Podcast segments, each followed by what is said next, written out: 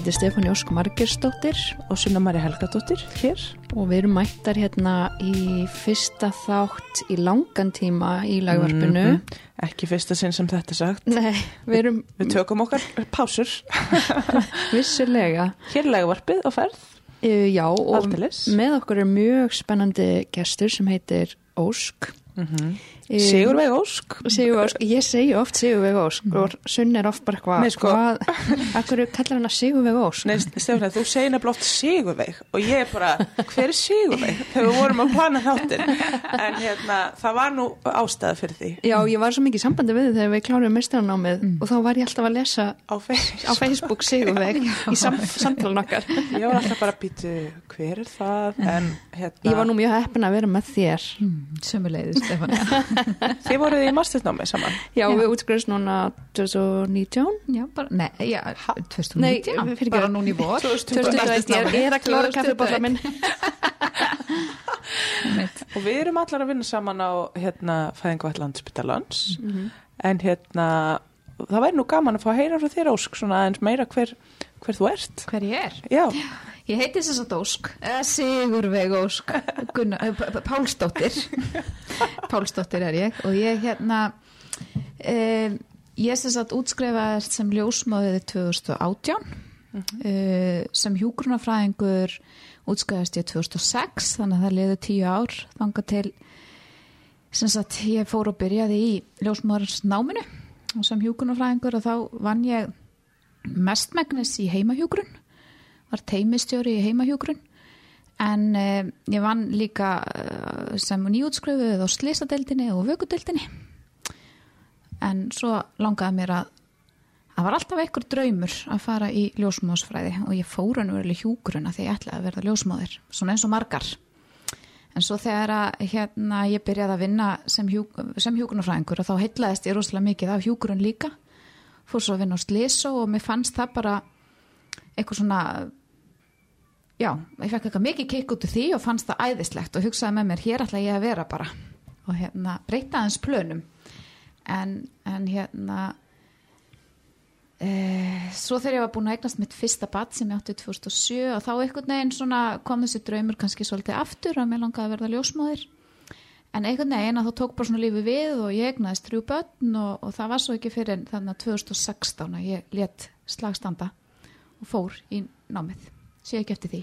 Þetta er besta nám, besta starf í heimi og ég get ekki hugsað mér að gera neitt annað í dag. Ég tek svo sannlöndi með þér þar. Mm. Vá, en hefur þetta ekki komið sér vel þessi reynsla af hérna Lissó og Vökudeld og heimahjókurinn? Jú, þetta er svona náttúrulega ólík reynsla. Lissó er náttúrulega hjálpar manni svona í þessum bráðaðastæðum mm -hmm. af því að maður náttúrulega getur lendið þeim líka í fæðingu. Og það bara svona kunna að, að forgónsraða og, og setja sér svona hvað er mikilvægast að gera hvert skipti fyrir sig. Þannig að ég lærði rosalega mikið á þeim tíma á Sliso það er eitthvað sem að fylgir manni alla tíð. Mann læri rosalega mikið þar. Þetta er mjög kræfjandi vinnustæður og örugla mun kræfjandi í dag heldur hann var hann þegar ég var að vinna hana en mann lærir alveg ótrúlega mikið. Mér líður svona svo blundi Sliso hjúka í mörgum ljósmaðurum Já, þetta er ekki þetta er Þetta er náttúrulega svona svipa, þetta er svolítið svona þegar þú kemur inn á, inn á bráðamóttöku slísó að þá, þú veist ekki alveg hvað, hvað, fara, hvað, hvað mætir þér í vinnunni. Mm, það, er bara, það er nákvæmlega það ja. sem við erum að díla við þegar við erum ljósmaður og við vitum ekkert hvað við erum að fara að gera þegar við mætum á vaktina. Þannig Hver einasta vakt er ósumferð á báðum stöðum. Já, algjörlega, þannig að þetta er mjög svona.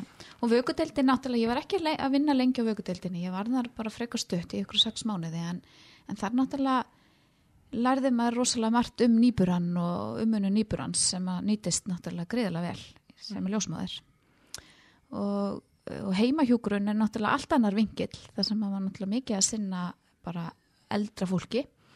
En e, það sem að heitlaði mig svolítið við þá nálgun og að, að það er að vera inn á heimilum fólks.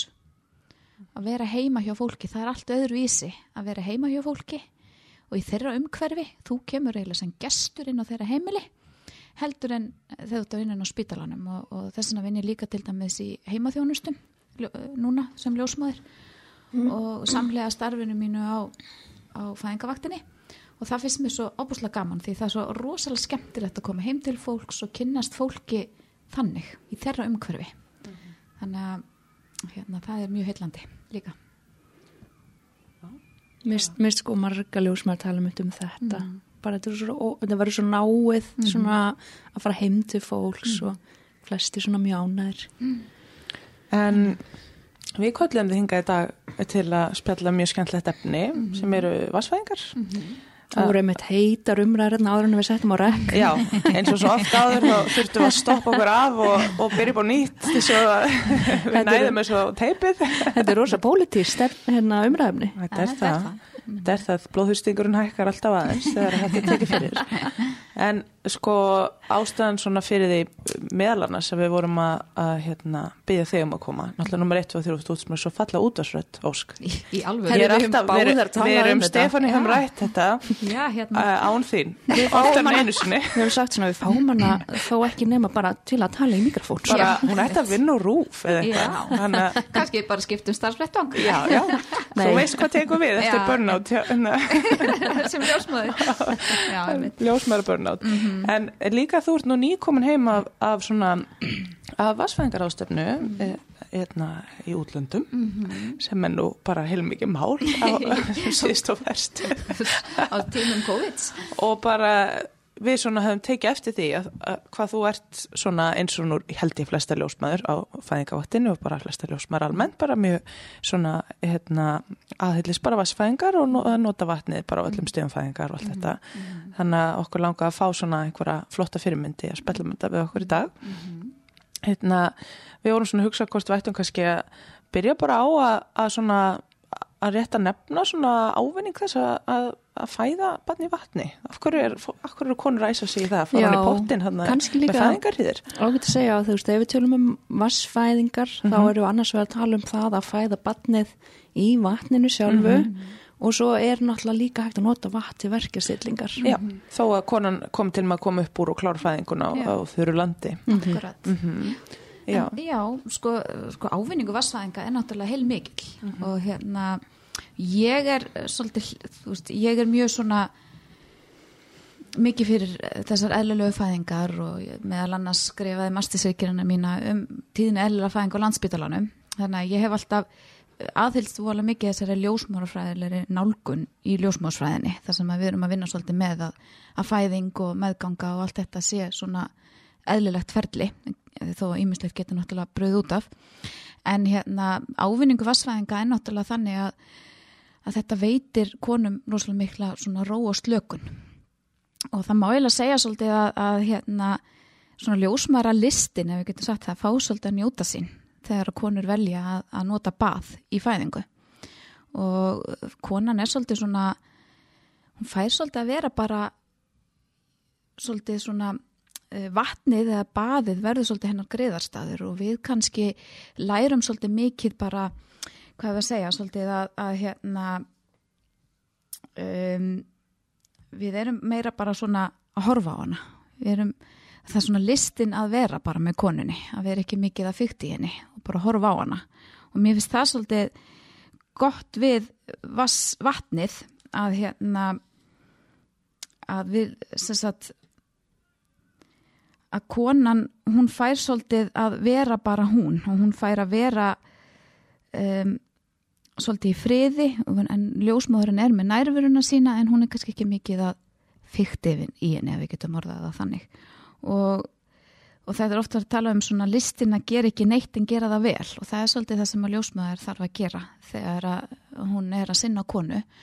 Og auðvitað hvort sem að hún kona kýsa að fara í baðið ekki að þá er það svolítið það sem við eigum að vera að gera. Við eigum svolítið að reyna að kon, leifa konun að stjórna ferðinni hvað hún vil gera. Og baðið einhvern veginn gerir það svolítið að verkum að, að það er erfiðara fyrir ljósmáruna að vera eitthvað mikið að, að fykta í henni, vera eitthvað að vesnast í henni. Hún fær svolítið bara meiri svona bara sitt space og sitt næði. Að og við reyðum okkur svolítið þá mikið meira svona innsæðið okkar frekar en tækni og horfum kannski meira á hérna að lesa í merki konunar, þess að lífeyrisfæðilegu ferli konunar og horfa hana hvernig fæðingin er að ganga fyrir sig. Og það er einhvern veginn að segja það að þegar maður er búin að þjálfa stöld í þessu og horfa konu, þá getur maður bara hort á konun og sagt svona sirka hvar hún er stödd í útvikun eða hvar hún er stödd í sínu ferli.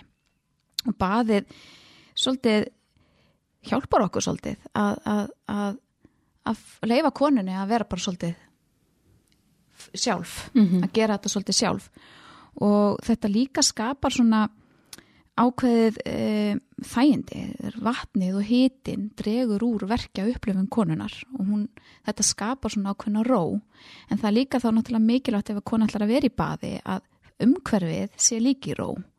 Það er kannski ekkit voðalega gott að fara í baði ef að það er allt rosalega tensin í herbyrginu þá má það líka þá að skapa þú veist svona hermiróandi tónlist hafa slögt hafa ekki mikið að ljósum, hafa kertaljós þú veist að það sé allir bara svona lástemdir inn í herbygginu og það getur dreigð úr óttakonunar við fæðingar ríðarnar eða það sem er í gangi. Og hún verður svona hvað maður segja, róleri, henni líður betur og, og það að henni, henni líður vel, hún sé róleg það líka stiður svolítið við fæðingaferlið og stiður við þessi hormón sem að þurfa að flæða til þess að fæðing haldi áfram. Þannig að það að nota vatn er svolítið mikið ofta hjálpa fæðingaferlinu en það hafa rannsóknir sínt að, að, e, að konur sem nota vatn í fæðingu að, að, hérna, að það stittir oft uh, lengt fæðingarinnar og hefur þannig jákvæð áhrif á fæðinguna.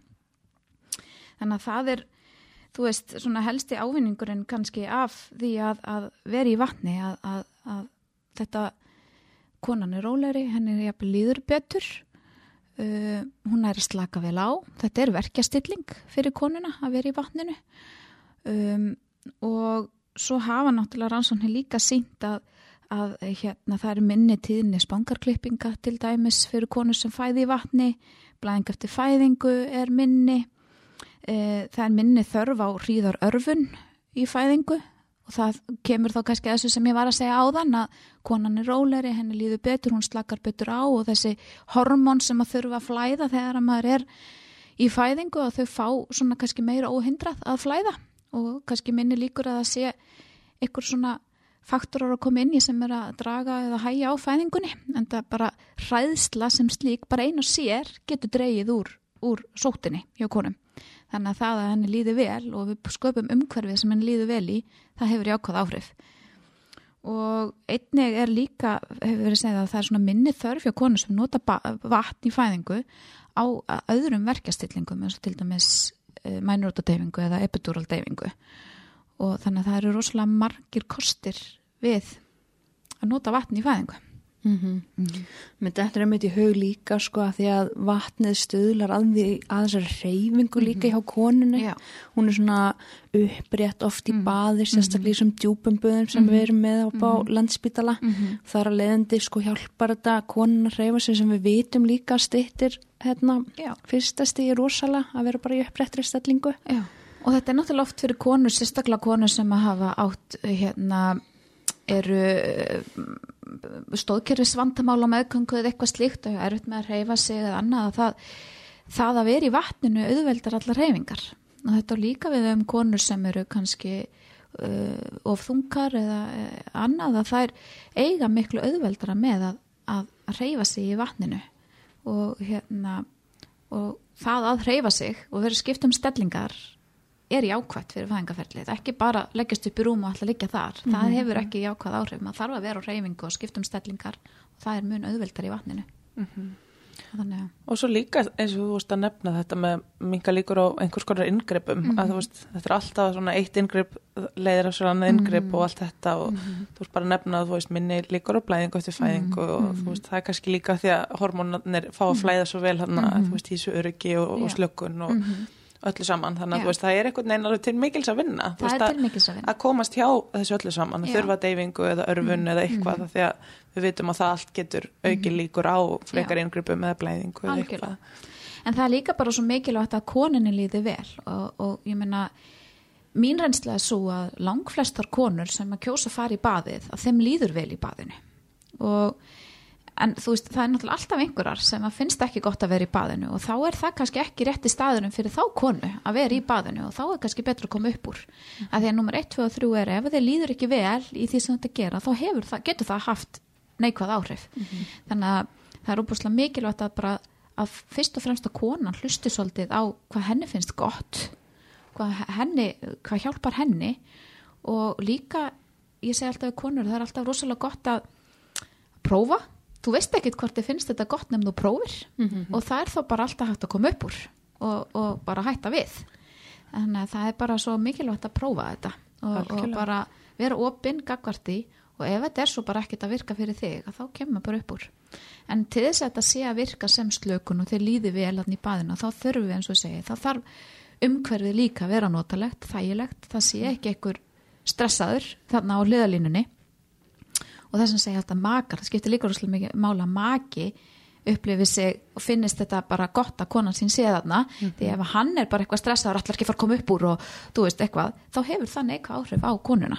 Þú Auðvitað. veist, þannig að og eins líka ef að ljósmóðurinn er ekki trifin af því að konan sé í baðinu þá getur það líka smittast yfir á konuna og, og haft neikvað áhrif. Þannig að allt saman, það er ekki bara það að hendast í vatnið og hafa svo öll ljós kveikt og, og, og, hérna, og allir í ykkur stresskasti fyrir utan, við þurfum líka að bara allt umhverfið þarf að verða svolítið svona kósi FM 957 í botni og Já, hérna, ég veit, ég veit, ég veit.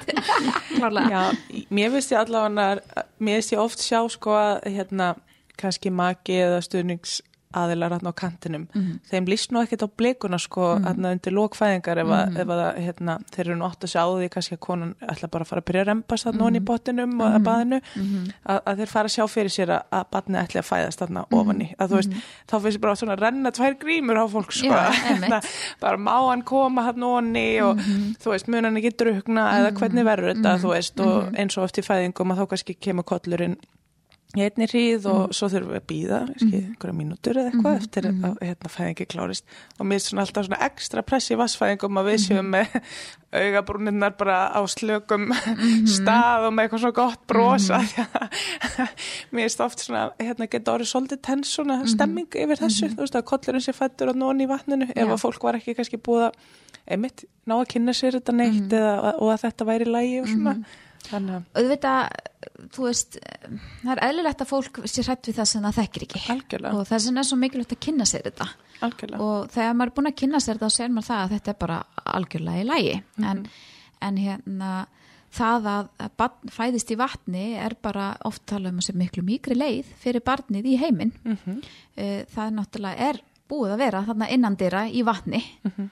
uh, og, og þau er ekki anda þau anda ekki fyrir að þau komast í tæri við andrumsloftið og þess vegna þarf maður ekki að vera neinar áhyggjur af því þó að hérna, kollurinn fæðist og svo fæðist, hann, fæðist ekki barni fyrir hann í næstu hríð. Mm. og, og það er líka þannig sem að við viljum helst að, að börnin komi. Við viljum helst ekki að það komi bara allt í einu. Við viljum yfirleitt bara fá fyrst kollin og svo býð eftir næstu hríð og fá þá restan af búknum. Og barnið það andar ekki fyrir en það kemur upp í andrumsloft þannig að það er engar það er e- e- e- engar líkur á því að barnið drukni þannig í vatninu. Og það er allt í vatn, með, með barnið í, í Það er í rauninni hálgerði fiskur á fóstustíi, þú veist, það er bara ekki að nota lungu sín til að taka á súrefni, heldur er færða sitt súrefni og næringu í gegnum Já. frá móðusunni. Já. Þannig að það, það ferli, eða veist, það, það kerfir ennþá í gangi Já. þegar að batnið er með kollin út í Já. pottinum. Þó að hérna, fólk kannski einmitt, verður kannski smægt, það Já. veit ekki hvar ske. Nei, og ég menn og það líka til dæmis þú að þegar að barnið fæðist að þá þarf maður ekkert að vera með einhverjum látum að koma því upp úr vatninu. Maður má gera, þú veist, auðvitað vill ég ekkert láta barnið vera þarna eitthvað, en maður bara svona róliheitum kemur barnið upp til mömmu. Já. en það þarf ekkert að vera að gerast bara svona eitthvað kvispan búm með einhverjum æjulegum látum.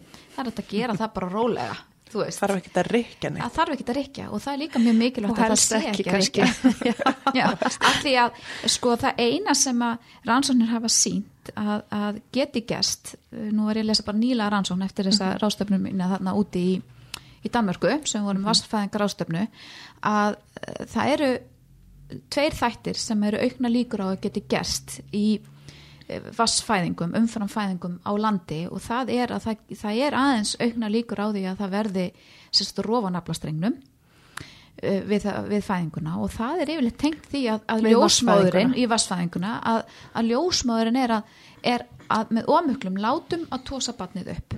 Og, og maður hefur ekki alveg sömu tilfinningu í vatninu hversu langur naflastrengurinn er við finnum það betur á landi. En, en það er mjög auðvelt að koma í veg fyrir þetta og vera bara meðvitað um þetta og þetta er engin hætta á, þú veist, þetta hef ef að ljósmaður sem að er að sinna þessu þær eru bara mjög meðvitað um þetta og grípa þau inn í ef að þetta kemur upp á. Og eins er talað um örlittla aukna líka og síkingu hjá konum sem fæði í vatninu en Já, hjá konunum. hjá, hjá konunum, ekki hjá börnunum. Uh, en þegar við erum með uh, svona protokolla eins og landsbytalanum og ég veit að það er verið að nota í björkinu og annað, böðin eru þrifin mjög vel og, og það er verið að nota plast til dæmis á þessar plastlaugar sem er verið að nota til dæmis eins og í björkinu og heimafæðing og annað að það eru hverfandi líkur á þessu. En þetta er náttúrulega eðlætti rannsóknir sem er verið að gera eh, kannski ekki eins fæðingur um hverju við erum með en rannsóknir hafa ekki geta seint fram á að það sé neitt annar munur. Já, á hérna vassfæðingum. á vassfæðingum og fæðingum á, á, á landi Mm Útkom hjá bæði konum og börnum. Þannig að það er ekki aukna líkur á því að börn sem fæðist í vatni þurfi innlögn á nýbúrugjörgjæslu til dæmis eða vökudild og um, Þetta er nefnilega mjög pólitískt með börnin sko, Já. maður finnur alveg svona að kannski læknar eru ekki alveg þar að vassfæðingar séu séu málið. málið og en hérna. það er held ég bara aftur komið inn á það það er bara það sem við þekkjum ekki eru við hrætt við og, og hérna en ég meina þetta eru mjög margar rannsóknir sem að sína þetta. Er, og er að sína fram að það er ekki munur hvorki útkomi móður nýja barns eftir hvort sem að vassfæðinga eða fæðinga á landi nema þessi tveir þættir örlítil aukin hætta á þessum tveimur þáttum. Og, og þá er það okkar ljósmara að bara passa að, að böðin séu þrifin vel. Sem það þau sé notið sannarlega við- sem eru. þau sannlega eru. Já. og eða nota viðandi plöst yfir, yfir, yfir baðkurinn og að, að ljósmóður uh, passi að, að, og, eða móðir að því að stundum í baðinu að þá er það móðurinn sjálf sem tekur á móti baðinu sínu. Og þá er bara upplýsan um það að passa að rikka ekki Upp, mikið. að passa sig og, og það sem er mikilvægt að gera þegar að fæðingin er yfir staðin, barnið er fætt að þreyfa eftir naflastrengnum og finna hvort hann sé ekki örugla Já, heill. heill. og það er mjög einfalt að gera og það getur jósmárin gert og það getur mamma líka gert. Þú veist, það, það, það er bara mjög einfalt að gera það. Þannig að, og eins náttúrulega líka þegar að börnin fæðast svo og eru komin upp úr vatninu að þau eru miklu rólegri. Og þau gráta ekki. Sum gráta, eittur og bingo en önnur ekki. Og það er oft tala bara um það og það er algjörlega í lægi það er náttúrulega fleiri þættir sem við horfum á heldur en bara hvort að barni gráti þegar það fæðist upp eða hvernig það hefur það. Hvernig það er að þessi, þessi viðsnúningur að fæðast og komast svo í heiminn, að það eru margir aðri þættir sem við horfum á en bara hvort að barni gráti eða ekki til þess að sjá hvort að barnið sé í lægi og, og við horfum miklu frekar á þá þætti og, og hérna uh, erum algjörlega róleg þó barni gráti ekki Hjartsláttur, öndum bassins, Já. hvernig spennan er, Já. hvernig það er að taka lit og allt Já. þetta. Líka bara einmitt að blikka augunum, það Já. er rosa, þú Já. veist, það, og ég las einmitt um það því ég skrifaði uh, ritgerðum vassfæðingar, Mhm. að þú veist, það er til sérstakur apgar fyrir vassfæðingar, Já. sem að, þú veist, málega velta fyrir sér á að innlega það, af því Já. að þú veist, þetta skekkir auðvitað þess að einhvern sem Já. nýpur að fá við eina mínútu og fimm mínútur Já. þegar það fæðast, Já. þetta skekkir myndina af því hversu innan gæsalappa hraust barni fæðist, Já. það er Já. alveg jafn hraust en það fær lægri samt einhvern fyrir Já. vikið af því að það grætur það fær svo Sjaldnar. mikið fyrir þú veist, það að gráta gefur svolítið þú veist, í þessum apgarstíði þannig Já. að, að þegar það gerir það ekki að þá auðvitað hérna, lækkar það. En ég segi þetta alltaf í fólöldur þegar ég veit að það er þegar barni er að fara að fæðist í vatninu þá undirbyrði fólöldur allt um þetta. Ekki af áhugjur þó barni gráti ekki. Og þetta er bara mýgri leið batsins í heiminn og það þarf ekki að gráta eins mikið. Þú getur bara þetta ímyndar út búin að vera inn í 37 gráðum þú veist, og svo allt í henni kemuru í andrúnsloftið eða bað þegar herbyggisittan sem er kannski 22 gráður. Ég meina okkur er þið bara svolítið kalt. Ef okkur, okkur væri skellt allt í einu alls ber einhver stað út í snjóin við myndum örgulega bara "Ah!" Þú veist. Já, Þú veist, þetta er meiri kontrast, þú þetta er mikið kontrast meðan að þú kannski fæðist í vatni sem er 37 gráður Mhm. eins og þú kemur í og svo kemur upp á mömmu og hún er heit líka því hún er búin að liggja í baðinu Mhm. Algjörlega. þannig að þetta er bara miklu miklu leið fyrir barnið í heiminn Og svo er með, þú veist, við getum svona nefnt ákveðna hluti bara út að við erum að leifa okkur bara að spjallum þetta hér Mhm. í góðum gýr. Að hérna, að, þú veist, maður er með líka velti fyrir sér bara ávinningur þess að, að fæðingin fá að klárast bara á þennan í raunin eingripa lausan eðlilega Mhm. hátt, þú veist, það hlýtur líka að vera ákveðin ávinningur fyrir barnið, þú veist, ef við hugsaum okkur þetta Mhm. með hérna, kona sem er hrætt og hérna, þú veist, upplifir sér ekki öruga og allt fyrir að dragast á langin og við förum að fykta og setja upp sind og dreipi til að örfa og hún þarf deyfingu og dididu og það eru þú veist líka bara líkur á fóstustreitu og kannski að það þurfa að flýta fyrir flýta fæðingunni eða eitthvað og, hérna þú veist, það líka er bara til mikils að vinna að komast hjá því. Já, bæði fyrir móður bad, þú veist. Já, fyrir ekki að Því að þú veist, mér stundum eins og svona þessi hérna eitthvað, þú veist, þetta svona teikna ljósmaður upp sem eitthvað svona soldi miklar svona eitthvað nortnir eða eitthvað Mhm. hippa, hippa típur skilur að það er svona kristalla svolítið í þessu svona vassfæðing, þú veist, þegar fólk hefur bara ekki kynnt sér málin. Nei, nei. og alveg svona eitthvað svona ljósmaðra mafían að taka mútið börnum í einhverjum heitum pottum eitthvað, þetta er allt svona voða vúdú, eitthvað að skilja mig. En, en þú veist, það er það ekki Nei. þú veist, það eru bara, við erum bara með, með rannsóknir á bakinu og, og hérna og það er bara mikill áningur það er mikill ánvengur, þetta er mjög jákvætt fyrir bæði móður og barn. Mhm. og, og hérna og ymmit, e, þó það sé ekki nema bara það, því að það er kannski ekki allar konur sem að vilja fæði í baði. Og, og maður skilur það alveg. Ég meina þetta er ekkert fyrir alla. En, en að nota þetta einhverstaðar í fæðingaferlinu er bara jákvætt. Uh, og það getur uh, þá allavega að senka því þú veist að, að þú þurfir einhverja meiri aðstóða eins og til dæmis epiduraltefingu sem að stundum er bara algjörlega nöðsilegt í fæðingu og margar konur þurfa sérstaklega ef að fæðingin fyrir að dragast eitthvað á langkinn eða eitthvað slíkt. En því setna sem við förum í það því betra. Uh, og því, því minni líkur er á því að við þurfum eitthvað að fara að gera fleiri inngripa því að eins og við tölum um að eitt ingrip getur leitt til fleiri inngripa. En eins og með deyfinguna ef við förum inn í það svolítið setna inn í ferlinu að það er til mikils að vinna þar og það að nota vatn í fæðingu á fyrsta stigi fæðingar er bara rosalega jákvætt. Og þó að kona fari svo eftir eitthvað tíma og ákveður að fá deyfingu þá er það, þú veist, engin ósigur þú veist, fyrir konuna. Ég menna það, bara stundum er það þannig að, að, að það er nöðsynlegt og, og, og konan þarf á því að halda og konan má aldrei upplifa það sem eitthvað feiljör eða eitthvað svoleiðis. En að nota vatnið einhver staðar í ferlinu er bara rosalega jákvætt. Algjörlega. Og ég, til dæmis, þú veist, það hefur oft verið talað um það og, og að, konur eigi ekki að fara að nota vatni fyrir að þeir eru komna inn á virkstig fæðingar þar sem að þeir eru komna með 5-6 í útvíkunu eitthvað svo leiðis og, og mér fannst svo, svo frábært að hérna ásari ráðstefnu sem ég var á, þar var fyrirlesari sem er frábær og hún heitir hérna hvað heitir hún aftur? Hún heitir, Breskona var hún það er ekki? bresk kona Já, og, og hún, algjör nagli. Algjör, hún- Ethan Burns hún er einn af svona gúruum í þessu, og eldri kona og, og bara það var frábært að hlusta á hana. Og hún var með rosalega fróðlegan og skemmtilegan fyrirlestur um þetta. Og svo komu svona spurningar og sal og þar var meðal annars þessi spurning eh, hvenar konur með að fara að nota vatnið? Og, og ekki nota að þau eru komin á visti fæðingu. Og hún sagði bara, horfði á okkur og sagði bara af hverju? Eh, þú veist, af hverju má hún ekki fara þegar hún vill? Og þegar maður pælir í því að þá er það náttúrulega rosalega rétt ég meina, og, en við erum svolítið á landsbytalanum að vinna með þetta að konan fari ekki og, Ég held margar ljósmaður sko bara, Mjög margar já, ljósmæður sem er með einhverja hugmyndir um. Já, og ég meina ég og, og mér var kent það þannig þegar ég var að læra um vassfæðingar í mín námi, það er ekki langt síðan að það hætti ekki nota þetta fyrir en á þessu fyrir en að konar komin í virkstiða fæðingu. En svo er þetta svolítið svona tvískinningur því að svo þegar konar ringir í okkur eru byrjandi fæðingum allir heima hjá sér en þá í þessu fórstiði fæðingar hvað segjum við henni? Við segjum henni að nota baðið og fara í vatn. Já. og, og, og hérna þannig að við erum stundum svolítið svona eh, ég veit ekki, þetta er svolítið svona kontrastar þarna, við erum ekki alveg að segja kannski, við erum ekki samkvæm sjálfum okkur ef við getum orðað þannig, en það sem að hún Ethan Burns vildi meina er að konur geta notað, ef að þeir vilja nota vatnið þá nota þær vatnið, hvort sem að þau eru með einn jútvikun eða tíu, það á ekki skipta máli. En hitt er svona mála við kannski viljum ekki fá svo konur sem eru í fórstuði fæðingar inn til okkar á landsbytalan eða á fæðingastað sem hún er á, hvort sem það er landsbytalan akkur er keflaug selfos þegar hún er ennþá í fórstuði fæðingar. Þegar alls hann er hafa sínt það að ef að það er koma og snemma inn að þá eru miklu meiri líkur á því að við þurfum að pota eitthvað í þetta og fara að reyna að flýta fæðingunni. Og, en frekar þá að kvita konur til þess að fara heim og nota þessir úræði heima. Þú veist, það eru margar konur með bað heima hjá sér bara skella sér í baðið heima algjörlega. Og ef þú hefur ekki bað að fara í sturtu.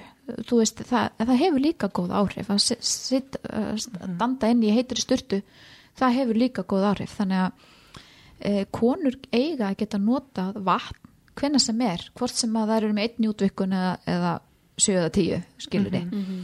en, en það kannski skiptir máli uh, hvar þær eru en leið og við erum búin að meta þær í fæðingu og, og segjum að þær séu komnar til þess að vera á fæðingadeildinni eða þess að þær ætla að fæða á fæðingastaðnum þá get eiga þær að geta notað vatnið Einmitt. og um, þú veist það hefur náttúrulega sínt sig að, að, að, að fæðingin, fæðingaferlið er stittra hjá konum sem nota bað í fæðingu og það er örgulega akkurat af því að þær eru að ná að slaka betur á hormonin fá að flæða meira og, og hérna þeim líður betur.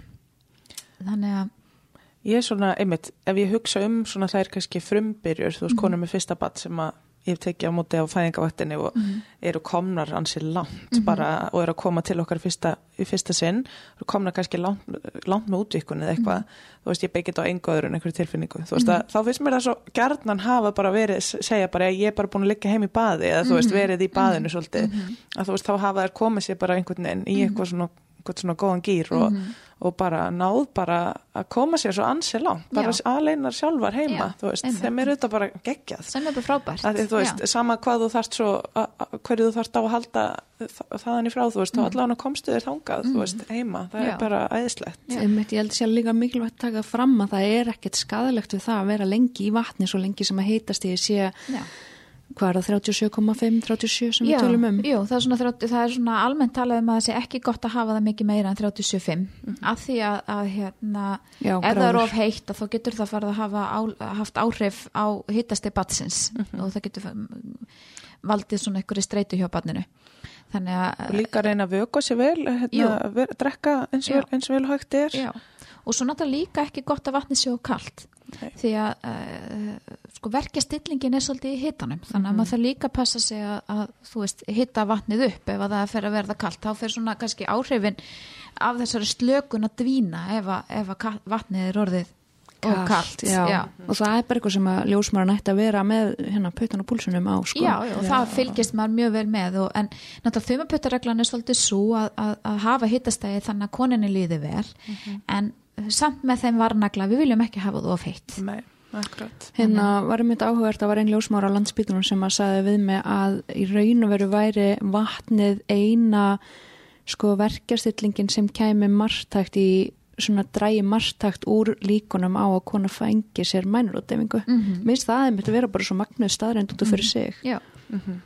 akkurat af því þetta er náttúrulega bara mjög góð verkjastilling og, og, og, og hérna og hjálpar konum bara mjög mikið maður mað bara sér það svo mikið í starfi sinu hvað konunum líður vel Sem er í sjálfu sér svo magna því þetta er bara svo einfalt, Já. bara heitt vatn. Já. Bara, bara verið í heitu vatni. Já, það, þú veist, það er bara það Og einmitt, og þú talar um að líða vel, að, Mm. að þú veist, þá er náttúrulega eitt sem er kannski ekki nefnt í sambandi við ávinningin, sem er bara þessi heilt yfir alveg ótrúlega góða fæðingarupplifun hjá konum sem fæði vatni.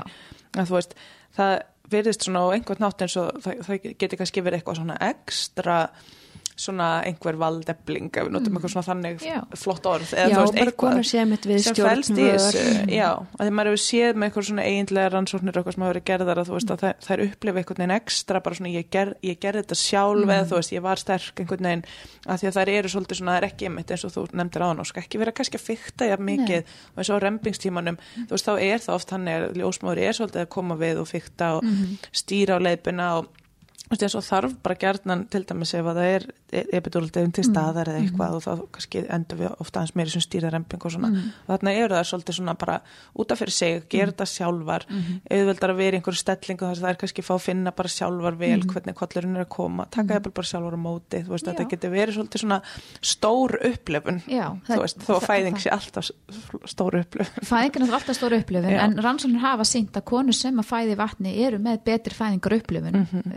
Já. að konur sem að mm -hmm. að fæða uh, á landi. Já, og líka Þannig að- einmitt hann á rönnur ansóng sem ég las sem að uh, þar sem að konur átta vikum eftir fæðingun sína voru að meta bara svona heilsuna sína andla og líkamlega þær voru, það var margtæku munur á konur sem einmitt hérna voru að meta heilsuna sína eh, sem fætti vatni og þær sem að fætti síðan á þurru landi. Það var bara margtækt betri Og enda sér maður það með konur sem eru hafa fætt áður og hafa fætt áður í vatni að það eina sem kemur til grein er láta henni í baðið Já, já, oft á tíðum sko, það er bara og eru jafnvel að klára útvikkun og, og hérna, maður, þú veist, það kannski spyr heldur þú að sért að byrja að rembast? Maður heyri kannski þannig hljóð Já. bara, nei, Nei, veist, er klá, ég er að fara og Ég er að býða eftir Alveg, ég vatninu. að halda í mér og það er kannski vippa sér onni og Já. barni kemur eftir innan við kortir eða eitthvað en það er bara ætluð sér að klára þetta þar sem er þetta bara Og geggjað ég sko. hef líka, þú veist, tekið á móti til dæmis fjölbyrjum sem hafa fætt í vatni sem hafa fætt á landi fyrsta batn og, og þær eru bara allar sem bara, þú veist,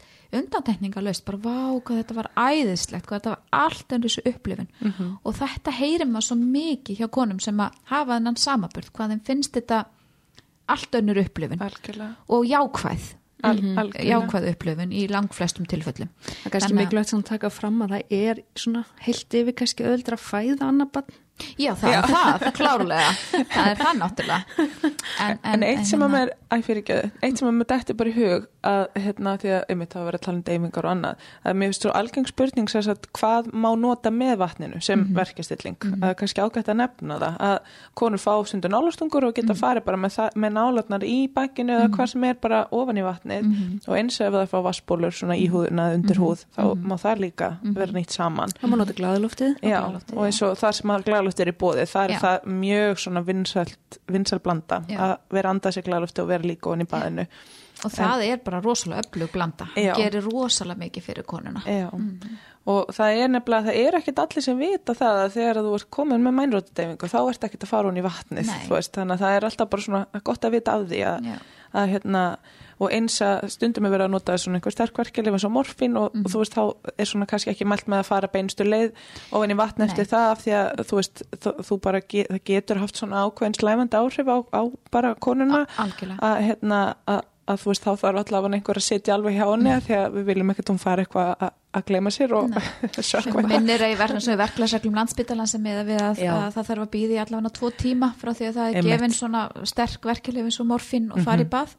Akkurat. Eh, en auðvitað náttúrulega er þetta eins og allt, þetta er verklagsreglur og maður þarf líka að horfa bara svolítið á Algjörlega. með þetta. Og, og, en, það er, en, en það er náttúrulega fer ekki mjög vel saman mjög slæfandi verkjalif og bað Og því að þú vilt heldur ekki bara að þú missir konunni í druknun þannig í baðinu af því að hún sé bara að sopna af, af, af, af áhrifum verkjalifjana og stundum er nú kannski gripið í einmitt morfín á einhverjum tímum þar sem að þú veist konan þyrfti bara hreinlegast á einhverjum svona smávís kvíld að halda upp í rúmið eitthvað og svo er kannski hægt að halda áfram í eitthvað Já, annað þegar því, því er lokið. Þannig að það er auðvitað líka bara æðislegt ef það næst sem það er þess þar. Kannski líka að taka fram, þú veist, hverjir, hver er það sem við mælum með að fara ekki vatn. Það er kannski, þú veist, eins og til dæmis núna eru mjög margar konur gangsettar, en uh, það er í raun og verið engin frábending fyrir að fara ekki vatn. Nei. það er engin, sko, ég segi það það geta nánast allar konur nota vatn á fyrsta stíði fæðingar.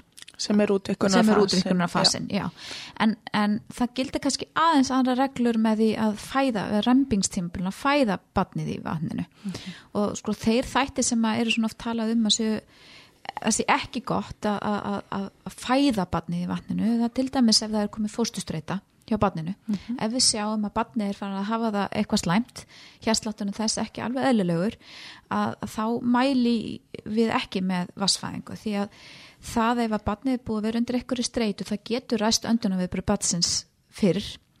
Þannig að það er ekki, ekki gott og eins bara í sambandi við að bera sér að þá ef að barnið þyrst á að hlunningu halda Já. um leið að, að vera þó ekki einhver staðar hann ofan í, Ofan í ofan í baðinu og þú veist allt þetta Já. Það kannski verður líka að segjast bara að það er aðeins stundum erfara að ná direkt samband, já, veist, Bara við í- fósturræðslu. Já, Já, já. það er það. það er það Stundu Og- þurfum við að grípi að setja nema á kollbassins ef að það er mm -hmm. óvisa með fórsturræðslott og þá, þá erum við ekki onni vatninu þú veist, En í það því. vildi þau reynda að segja á þessar ástefnu að þessar elektróður.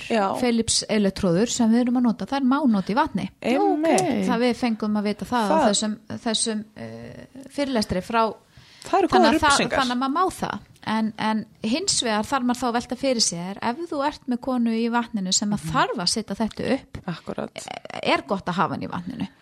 Um, kannski allt í lægi í, á fyrsta stíði fæðingar en ég myndi svona veltaði fyrir mér hvort það verði ekki gott að konan kemur upp úr áðun og fyrir að rempast Já.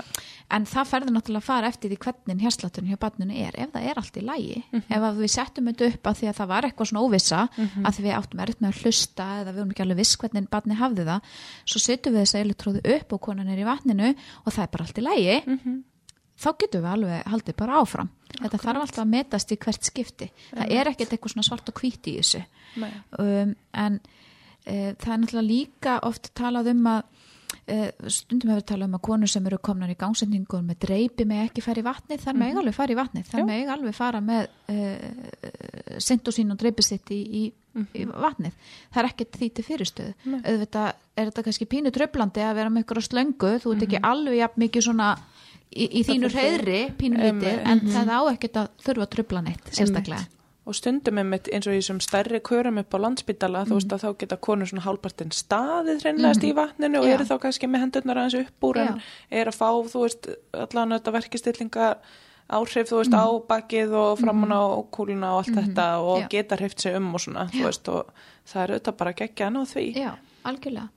Þannig að, um, þú veist, það er náttúrulega svona, alla jafna er náttúrulega mælt með því að, að, að að svona mest, best er að það er konur sem að nýta sér vatni séu alveg hraustar og séu engin undanleikjandi vandamál, en það geta allar nýtt sér þetta og, og það er, þú veist, eins og maður segir, það er svona helsta frábending við að fara í vatnið ef, er, er ef, að, ef það er komin eitthvað fóstustreita hjá barninu.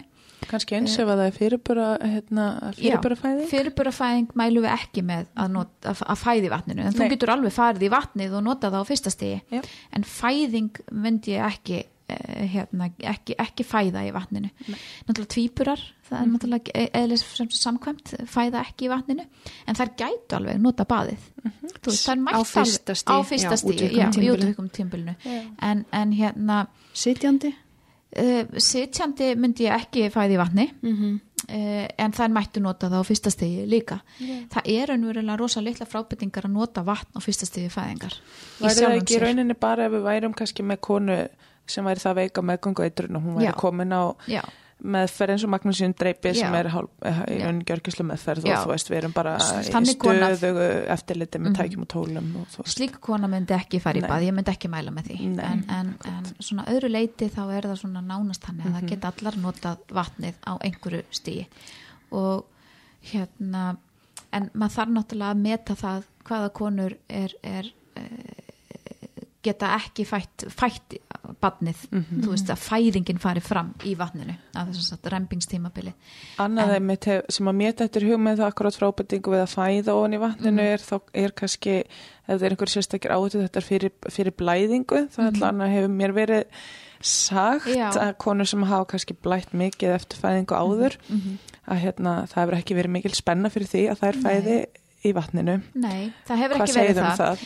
Sko, já, þú veist, það er náttúrulega áhættu þáttur. Mhm. uh, um, við lærðum hérna á þessari ráðstefnu sem varum í að það var mjög áhugavert að það var verið að svona þess að meta blæðingu í vatni getur verið mjög flókið, getur verið mjög erfitt og það var verið að Það er kenna manni flókið á þurru landi Það er sko, flókið á þurru landi. Hvað þá ofan í einhverju baðkari en þar var verið að kenna á þessari ráðstefnu svolítið svona hvernig við getum metið um, blæðingu í vatni af því að þú veist, auðvitað náttúrulega þú veist, þetta, þetta, þetta út. finnist þetta út í þessu vatni Það verður svona ský einhvern veginn Já. sem að já.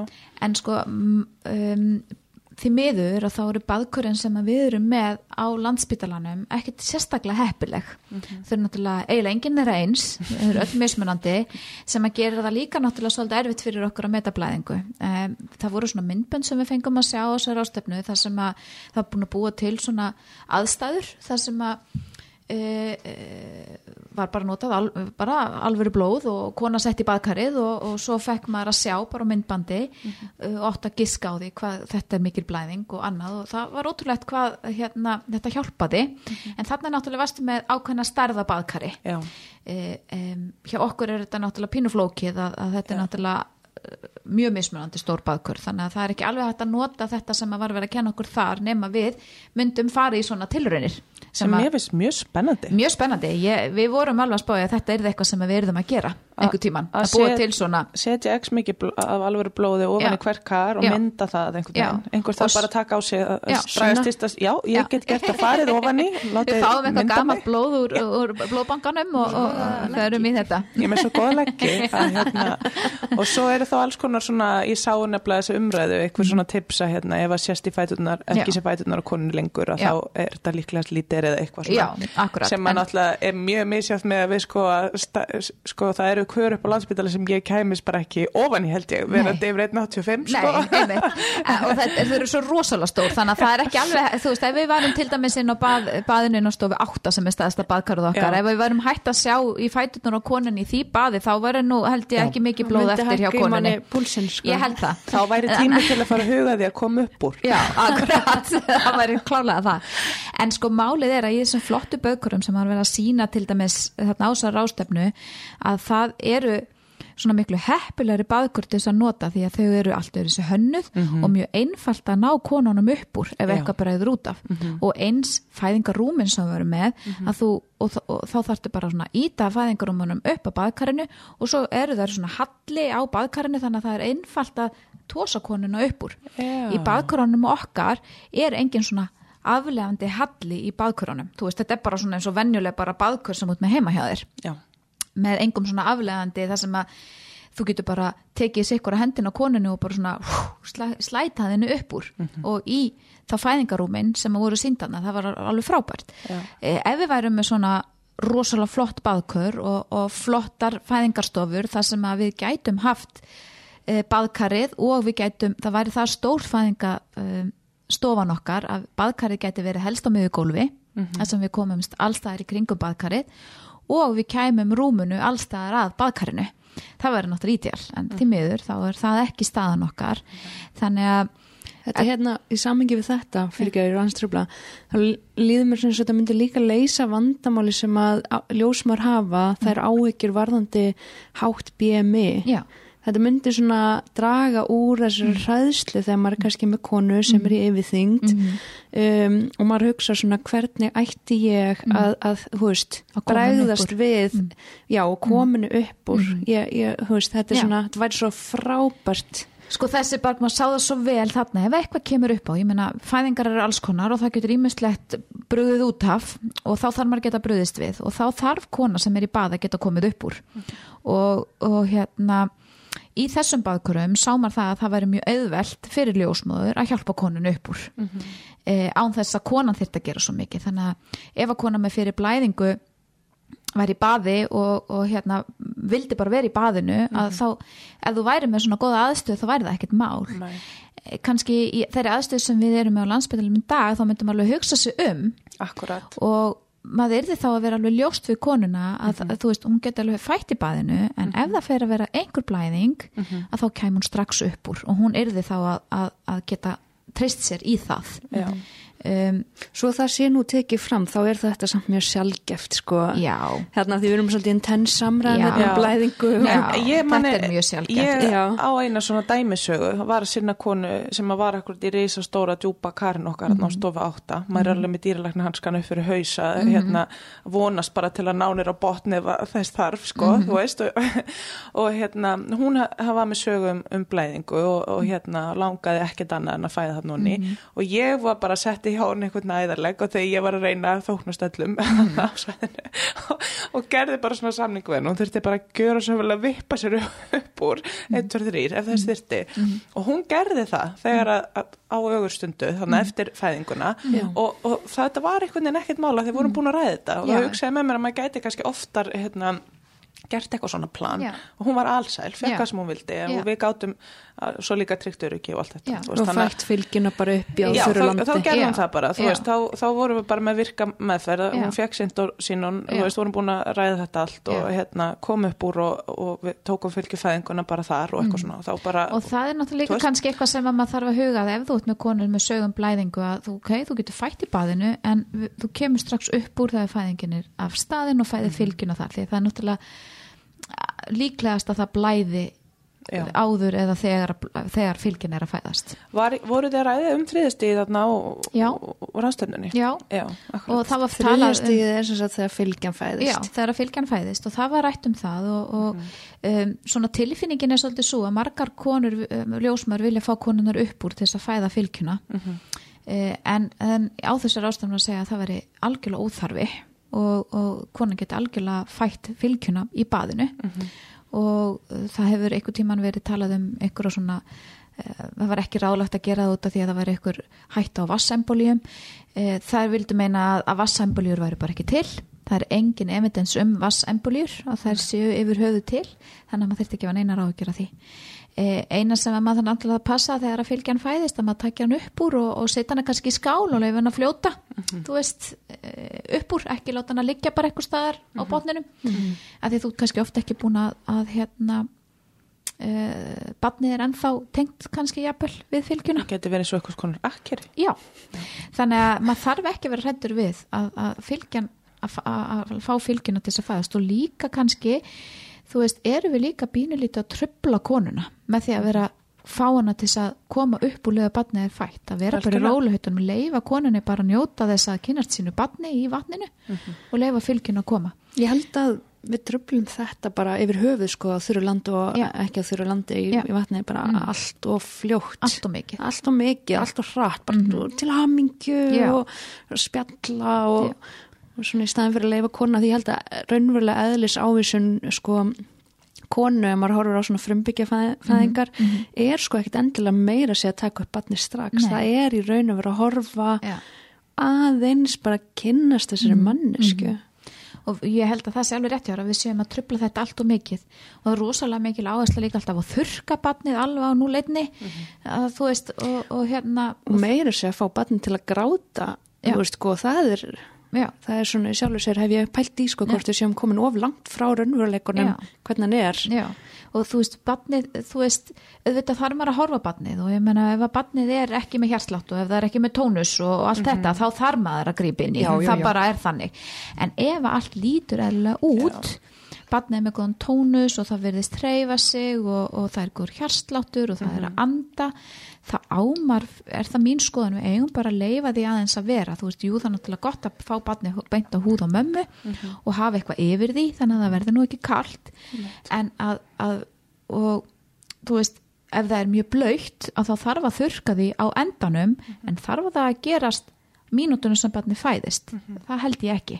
Ég held við getum alveg verið aðeins róleg og beðið örlítið og leif, leift bara mömmu og barni og, og pappa að aðeins að horfa barni sitt svolítið, þú veist. Og kannski er þetta líka svo ég skjóti inn í streitan varandi það að fá fylgjunum til að fæðast af því að það verður að segjast á landspítalanum er mikið notuð svona ákveð, ákveðin með aðferð til að fá fylgjunum til að fæðast. Kannski er maður bara svona orðin svolítið vanuð því að bara hún fæðist svo rosalega rætt eftir fæðingu að við erum bara orðnar svolítið svona og það gagvar þessu stíi sko. og það er algjörlega eðlert að, að býða að fylgjan kom ekki strax. Ég meina það talaðum ef við, ef við veitum svona virkri eh, meðferð og þriðja stíi, ef við gefum þess, þetta syntosínun að þá er eðlert að að býða í hálftíma eftir fylgjunni. Um, Akkurat. ef að við gefum ekkert og býðum að þá er alveg eðlert að býða í klukkutíma eftir fylgjunni.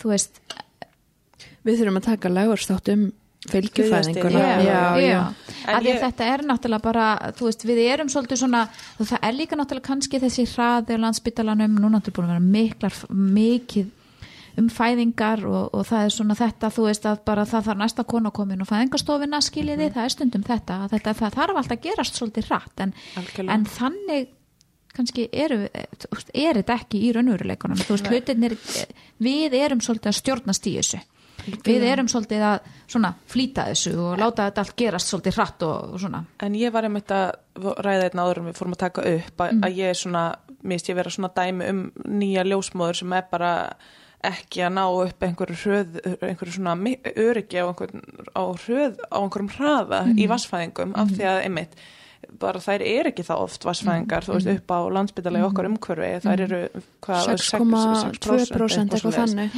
Já, á meðan það er kannski nálgast næri 50, 45, 50% í svona ljósmæri styrðu meiningum. Já. Já, svo hérna Björkinn, Keflavík og fleiri staðir veist þannig að það, það getur liðið svo rosalega langu tíma á milli vassfæðinga því miður að, að hérna maður er svolítið á nálum yfir alls konar þú veist hérna og að þú veist ég er sekund þetta að ef að ég er vassfæðingu þá er ég svona svolítið obsess með þessa fylgju og blæðinguna, svo opaslega hrættum að ná ekki að meta rétt blæðinguna og ble ble ble og svo er ég svo ógislega hrættum að badninu verði kalt.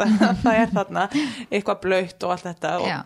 Ég er oft svona að standa með að verkja að vera svona farin að auðsa eitthvað Já. svona, er að auðsa endalust yfir badnið og hérna eins og ég sé eitthvað að skýra eða eitthvað svona, en það er samt í sjálfum sér bara mjög gott að gera það. Já, já, auðvitað að, hérna, en, en þetta er svona Já, ég held að sé að svolítið mikilvægt að taka fram að sko, við hérna alla þrjá erum að vinna á landsbítalunum og það sé kannski bara gigantísku munur á ljósmannur sem að vinna til dæmis í Keflavík þar sem að tíðinu vassfæðinga er 45% eða 50 og, og heima ljósmaður og En líka eðlilega, því þú færð, þú færð öryggi því sem þú gerir oft, en á sama tíma þá tökum við líka á móti miklu fleiri börnum sjálf og sér að því að þú veist, við, við tökum á móti barni bara, Já, já. þú veist, liggur á hverri vakt. og svo já. líður lengra á milli hérna í öðru umhverfi líka. en, en, og eðlilega þá tekur tíma að fá, að fá öryggi.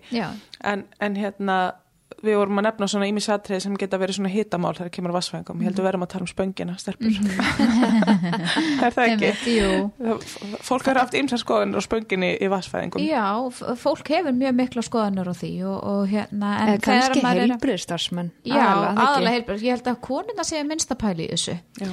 konuna sjálfar uh, sem er heldur bara fínt. Uh, þú veist, það er ágætt að vera ekkert ómikið að velta þessu fyrir sér, því að en hérna um, sko þegar maður fyrir að skoða litteratúrin sem er til um þetta, að þá er engin evidens um það að, að það sé aukna líkur á þriðja fjóru gráður yfir í vatni. Mm. svona alvarlegum spangarum Alvarlegum þar sem að spangarifum. við erum að tala um hefur áhrif á endaþarms vöðvan Já, og rannsóknir hafa hins vegar meira syngt fram á það að það hafi um, vendandi áhrif, að vatnið hafi vendandi áhrif á spöngina. Þannig að, að hérna en þetta eru mjög skipta skoðanir á þessu en, en það er rannsóknir sem bara áður en að ég kom hingað og var undirbúum og skoða að það, það er engin evidens Nei. um það að, að, e, að það sé aukin tíðni á þriðu fjórugur rifum í vassfæðingum þannig að það er bara gott það er bara gott mál og, og það er náttúrulega sko þegar þú ert með konu sem er að fæða í vatni uh, hún er hraust, hún er að gera þetta algjörlega sjálf. Uh, það er engin trublun sem er búin að eiga sér stað. Og ég sé það þó að þið hafið talað um það það sé ekki langt sen ég útskrifaðist að þá, þegar ég var í náminu þá var til dæmis Björkin ekki komin með fæðingastofuna. Þannig að það voru mun fleiri konur að fæða á landspítalanum sem í dag kjósa að fæða í, í, Björkinni. Þannig að það var mun meira um vassfæðingar þegar ég var að læra 2016 til 18 og, og uh, þegar maður er að læra að þá þurfum við að taka á móti 40 fæðingum til þess að fá að útskrifast. Og hátt í helmingurinn af mínum fæðingum voru vassfæðingar sem að eh, segir okkur bara að, að þetta hefur mingað á landsbytalunum í dag og sem er bara jákvætt af því að þá eru þær konur sem eru kandidatar til þess að fæða á ljósmarastyrðum einingum eða heima, þær eru að kjósa það sem er bara mjög jákvætt og við fögnum því. En að þá á sama skapi þá fáum við ljósmaður sem vinnum í þessu áhættu umhverfi minni reynslu á nákvæmlega þessum fæðingum. En, en hérna um, þetta er e, bara þannig að, að hérna kona, þegar þú horfir á konu sem er að fæða í vatni að hún stýri svolítið hvernig kollurinn er að koma. Og það mikilvægast í þessu öllu saman oft er að það í þessum spangastöningi og til þess að koma í veg fyrir rifur er að kollurinn fæðist hægt og rólega að kona rempist ekki að svo miklum krafti að badnið bara skjótist út og það er ekki svo mikil á því hjá konu sem er ódeifð, hún finnur allt þarna niðri og hún ósárat, hún reyir sig og beigir ef þú horfir á konu sem er að fæða svona, þú sérð hvernig hún er að reyna að venda spöngina sína. Algjörlega á, á, á þess að hún viti að hún sé að því, það er bara að gera það. Og ég hef líka að segja alltaf við það þegar það er að fara í vatnið að þessi mikilvægt að kottunum komi hægt og það er jafnvel seti hendina á kollin og finni og þá verða svo miklu meðvitaðri um það sem er að gerast. Ef að kona vil það ekki að þá segi þá get ég gert það, þá get ég fylst með og hjálpa þér og leiðbend þér. En mí- mín reynslu er svolítið svo að þær eru svo meðvitaðar að þær gerir þetta svolítið sjálfar. Maður þarf ekki að leipina þeim svo mikið. Ekki eins og þótt með konu sem er komið deyfingu er ekki með mikla rempingstörf er að rempast með svona stýrðum rempingi að því hún veit ekki almennilega hvernig hún á að rempast og hún er líka svo dofin en það neyður að hún finnur ekkert. Þannig að er, þetta er bara allt annað hvað maður er að tala um. Þannig að Já, það er bara ekki hægt að bera þetta saman. Það er ekki hægt að bera þetta saman, þetta er bara tvent ólíkt og, og maður sér það svo vel veist og þannig sér maður líka þú veist þess að ég var að tala upp af við þessi ljósmara list og annað að það að horfa koni í vatni sem er að gera þetta svo sjálf það er bara svo dásamlegt að því þú getur bara algjörlega séð hvernig þessi lífæðlisvæðilega ferli gengur fyrir sig og hvernig konan bara sjálf gerir þetta mm -hmm. þannig að þú veist um, sko, þegar ég var að vinna í Keflæk það er svo rosalega há hérna, varsfæðingatíðinni þar mm. og margar frömbur maður mm. kannski sér ekki mikið af konum sem regna sín fyrstu börn klára í vatni -hmm að þá er mitt af því að þegar konur regna sín önnuböld þá oft svona skjótast þau raun og veru mm. út, spönginu búin að tegjast áður mm. veginn, mm. þá sér maður ymmit svo ótrúlega vel sko þessi reying og beiging -hmm. og að -hmm. fara upp á tærnar hjá konum -hmm. sem bara gerir ósjálfrætt án þess að vera nokkur nátt meðvitu um já, það já. og hún bara í raun og veru að gera þetta til þess að passa spöngina sína og þetta er svo ótrúlega svona falleg sjón og maður bara sittir einhvern veginn rólegur hjá henni Já, það er alveg þannig og þetta er, þannig að ég held að þú veist þessi ræðsla við um, stóra spangar áverka í vassfæðingum sé þú veist, eitthvað sem við eigum ekki hræðast. Ég menna, auðvitað gerist það og það mun alltaf vera einhverjar konur sem fá 3-4 gráður yfir í vatni. Alveg eins og það gerist á landi þó að við reynum að gera allt sem við getum til þess að koma í veg fyrir það. Þá bara stundum þá bara, þú veist gerist þetta mm. og, og það munu alltaf einhverjar konur fá, fá 3-4 gráður yfir mm -hmm. þó að við viljum náttúrulega reyna að, að hafa það eins lítið hlutfall og mögulegt er mm -hmm. og þess vegna eru við með alltaf alls konar uh, íhlutanir sem við erum að gera til þess að, að koma í veg fyrir það en ég held að þessi ræðisla við þriðfröðugrif í vatninu sé eitthvað sem við eigum ekki að láta stýra okkur svona mikið eins og kannski er að gera og svo þurfum við líka alltaf að velta fyrir okkur ef við fáum konu sem að fær þriða fjórugarrifi í baðinu er hugsanlegt að hún hafi gert það líka upp á landi, við vitum það ekki mm. og við munum svona aldrei vita það skiluru mm. því stundum er þetta líka bara húttýpan hjá konunni og kannski skipta ekki máli hvað við gerðum mm. við gerðum, að, þú veist við höf, ljósmaður hafa allalendið því að fá eitthvað tíman þriðfróðugráður rifu og, og þú veist, og maður stundum skilur ekki af hverju akkur á þessi kona fekk það en ekki ekkur önnur sem það var með mm -hmm. veist, og það eru svo margir þættir sem hafa áhrif á þetta að konur fá þriðu frá rifið og það er ekki bara hvernig kollurinn kemur eða hvernig handtök við veitum eða annað, það er líka uh, bara starfbatsins, húðgerð konunnar og, og, og vefjagerð og annað mm -hmm. þannig að mm -hmm. þú veist Þetta eru margir samlegjandi þættir sem hafa áhrif. Já, ég við höfum oft minni stjórn á alls konar hlutum en við teljum okkur hafa Klárlega, það er, það er bara þannig. Það er bara svo leys. Við viljum samt taka alla ábyrð á því að við höfum. Maður er algjörlega eðlaður þegar maður fær konu með þriða fyrir okkur rauðum og finnst manni hafa brugðist. Já, en, maður verður náttúrulega að passa sig að, að hugsa ekki þannig. Það er ekki þannig mm. og við erum alltaf að reyna að gera okkar besta og stundum er það bara ekki nóg. Það er allavega kannski má allavega að taka það fram að þú veist, eitt sem að rannsókn hafa raunverulega sínt að sé vandandi fyrir spöngina er þessi heiti bakstur sem mhm. frá vatni á saman tíma eru að tala um að sagt, á þurru landi þá er svolítið svona menning núna á, á mm. landsbytalum allavega og annars mm. það er að setja heitan bakstur á spöngina þegar við vitum að þú veist barnið er að fara að fæðast. Algjörlega, og ég menna rannsóknirnar eru með okkur hvað þetta varðar, ég menna þú veist það er ekki, rannsóknir hafa ekki geta syngt fram á aukna tíðinni þriðu fröður refu með konur í vatni, en hins vegar hafa þær geta syngt fram á það að, að, að Að, að, að vatnið hafi vendand áhrif. Einmitt og líka bara það sem að allar ansóknir sína trekk í trekk er að það eru margstækt minni líkur á spangaklippingu Já. sem að er ekki gott fyrir konuna. Nei, það er ekki gott fyrir konuna þegar, það er að segja konan fæðir í vatni. Nei, og, og spangaklipping er eitthvað sem er nöðsulegt stundum að gera og, og er betra heldur en að við sjáum að konan er að fara detti í þriðu fjóru gráður yfir, klárlega. En, en spangaklipping er yngripp og, og maður má ekki gleyma því Nei. Nei. Alls ekki Sko, mér sýnistu vera svona búin að fara yfir það, yfir það helsta mm -hmm. þú veist, það er eitt svona, einmitt, mér finnst bara svo gott sem að þú veist að nefna ósk með þetta að, að vera góður eða gera ekki neitt og þessi mm. ljósmar list og svona mm. kjarnis svolítið í vassfæðingum Mhm. og, veist, og hérna, við erum búin að nefna spöngin og annað, mér dættu líka í huga akkur þetta með að meta, sótt, meta sagt, e, framgang í fæðingunni Mhm. að það er svona líka, e, þú veist, í rauninni kannski erfiðara innan gæsalappa allavega með svona þessu að fá að þreyfa og, og hérna gera einhverju skoðun og allt þetta, við gerum kannski minna af því í vassfæðingum Já. sem verður örgulega bara að teljast jákvætt hreinlega já, já, og auðvitað er alltaf hægt að hérna að bara semjum það að konan kannski kom upp úr og við gerum innri skoðun ef að það er einhver ennverulega þörf fyrir því. En, en þú veist, oft bara er ekkit endilega þörf fyrir Nei. því annur en að við erum óþólumóðar eða eitthvað, eitthvað þú veist.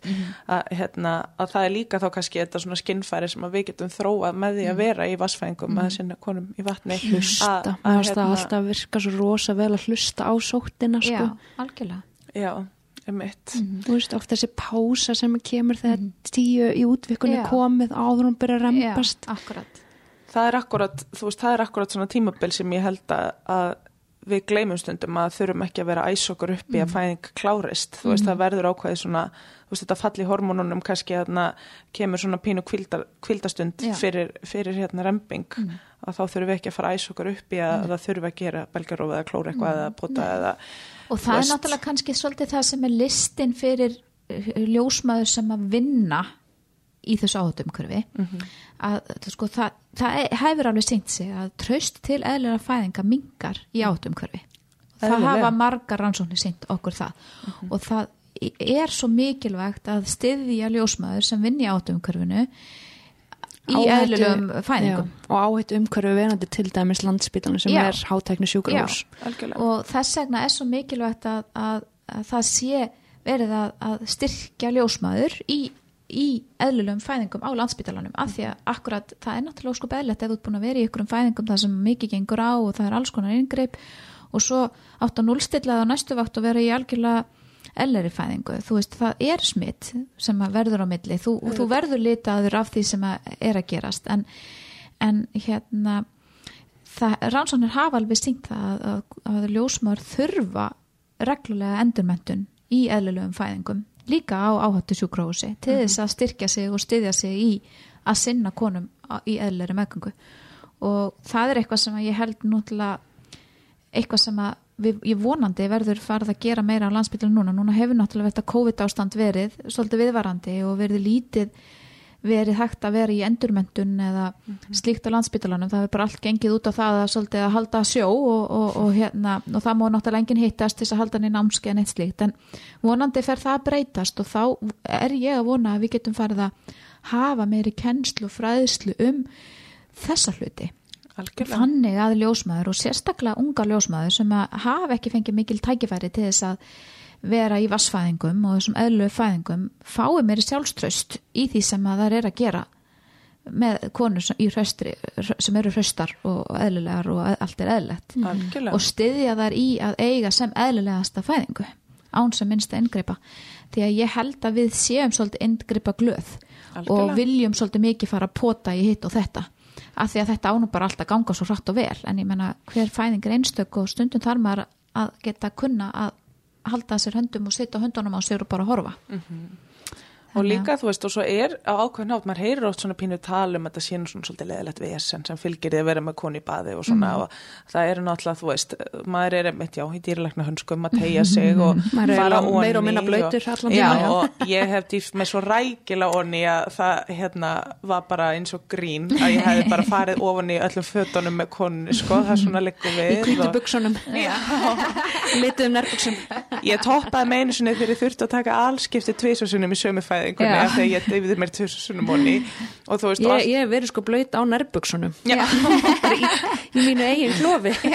Og, og bara svona allt þetta þú veist með að vera að fá konun upp úr og maður er að skúra allt með handklæðum og finna ný og þú veist og passa rúmið og allt blóttn ekki og djú djú djú og þú veist og vera að tegja sig hann að hlusta og allt þetta dót. Og þetta er svona ef maður er kannski að mæta eitthvað ekki 100% upplæður þá er þetta svona, oh, er ég að fara í þetta? Held ég að, að þetta geti orðið með tímanum. Og ég held bara að við verðum líka hvort að passa okkur að, að fara ekki þanga, þú Nei. veist, að því að ég held eins og þú sagðir að þetta smitist alveg út í konuna, Það hérna, það. ljósmárun ekki að nenni þessu og Nei. þú veist, og hérna, eitthvað svona, þú veist, allt þetta bras og vera að hita vatnið og ég tala nú ekki um þegar maður er komið háfinn og loft, hérna, þegar er einhverju líkamsvæsar komnir að nota Já. vatnið og svona, En þetta er eitt annað. Þetta er eitt annað, en þetta, mér finnst þetta dásamlegt. Ég hef náttúrulega alltaf, og þegar ég byrjaði ljósmáðarsnáminu, að þá fannst mér ekkert annað koma til greina en bara eðla fæðingar. Ég sá og það lítið hitt. Þú veist, ég var bara svolítið fókusverið á eðlaðar fæðingar.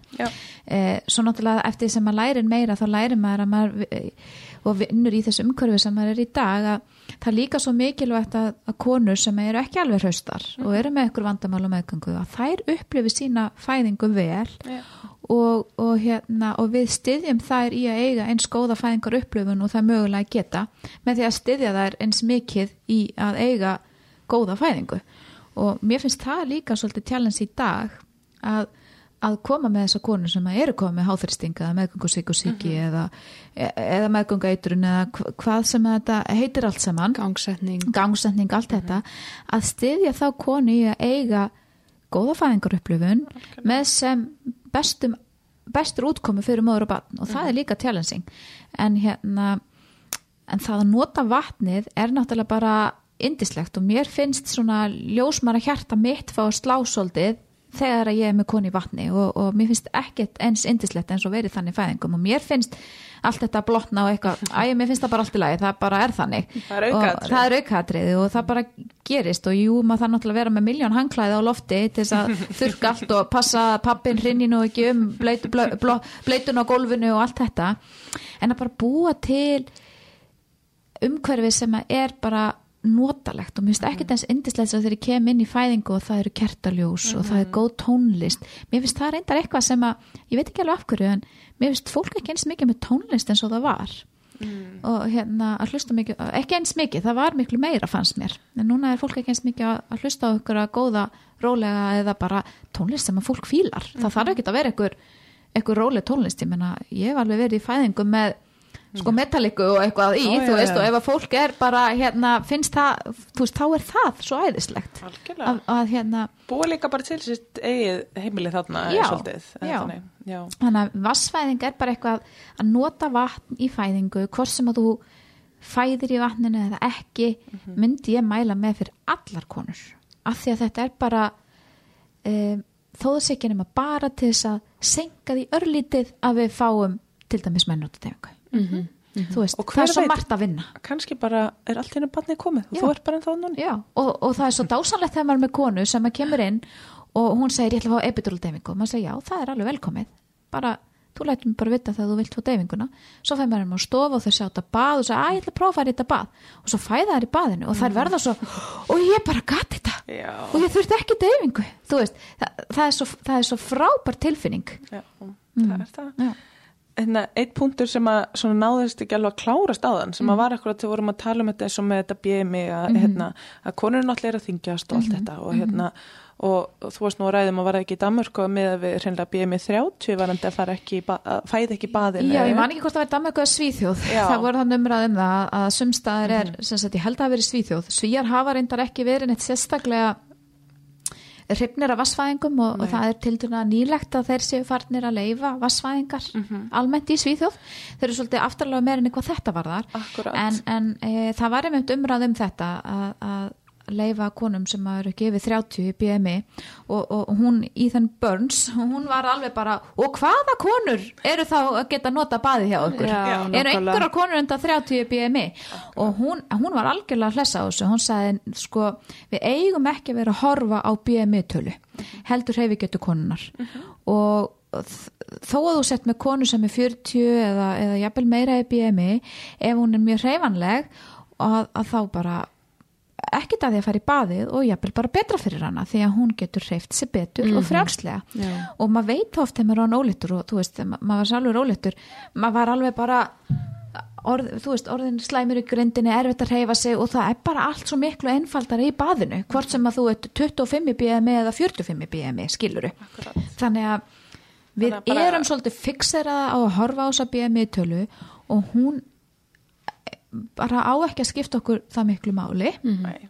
og kona á alveg að geta fætt í baði þó hún sé há í BMI Já, Já. Hvað, hvað er hérna á landsbytunum? Er verið að tala um 35 í BMI? Já, verkasegluna byggða miða við það 35 í BMI Og bara En gott að muna við erum ekki verklagsreglan. Við erum ekki verklagsreglan, þetta eru tilmæli. Mhm. og hérna, leiðbendingar sem má alveg síðan horfa gagnum mögum á og meta hvert dæmi fyrir sig. Algjörlega og ég menna kona á alveg geta fætt í baði þó hún sé há í BMI ef henni líður vel þar. Já. Þetta skiptir alltaf máli að koninu líður vel. Ef að koninu líður ekki vel í baðinu þá er hún ekki verið í baðinu. Nei, Ekki vera þröngvaði í eitthvað sem að þau líður ekki vel með.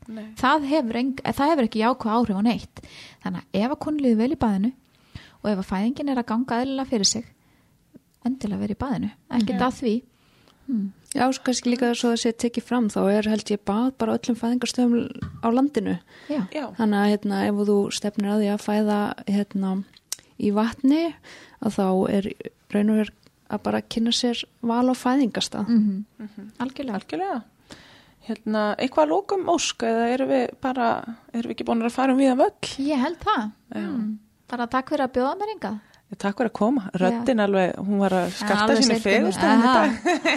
Ég var nú alveg svona þegar þið báðum um þetta að já, hvað ég nú að fara að rála um þetta? En, Þú hafði nú eitt, og- eitt og annað, einmitt. Ég held að þetta sé bara gott pepp fyrir allar konur sem að er að spá hvernig þær vilja fæða og fyrir allar ljósmaður. Já, ekki síður fyrir að peppa ljósmaður. sig í þessum aðstæðum að þetta er þetta bara hérna, ekkert nema bónus í allar og Þetta er það. Bara hlakka til að vera í vassfæðingum með eitthvað stelpur í framtíðinni. Vonandi bara næstu vakt. Já, ekki. hver Er hvern? hérna úti sem að Slegið. langar að, að hérna Við óskum fæða í vatni? eftir, óskum eftir þáttakendum til að hafa samband. er það ekki bara glæsileg lóka orð? Jú. Takk fyrir að koma. Takk fyrir mig.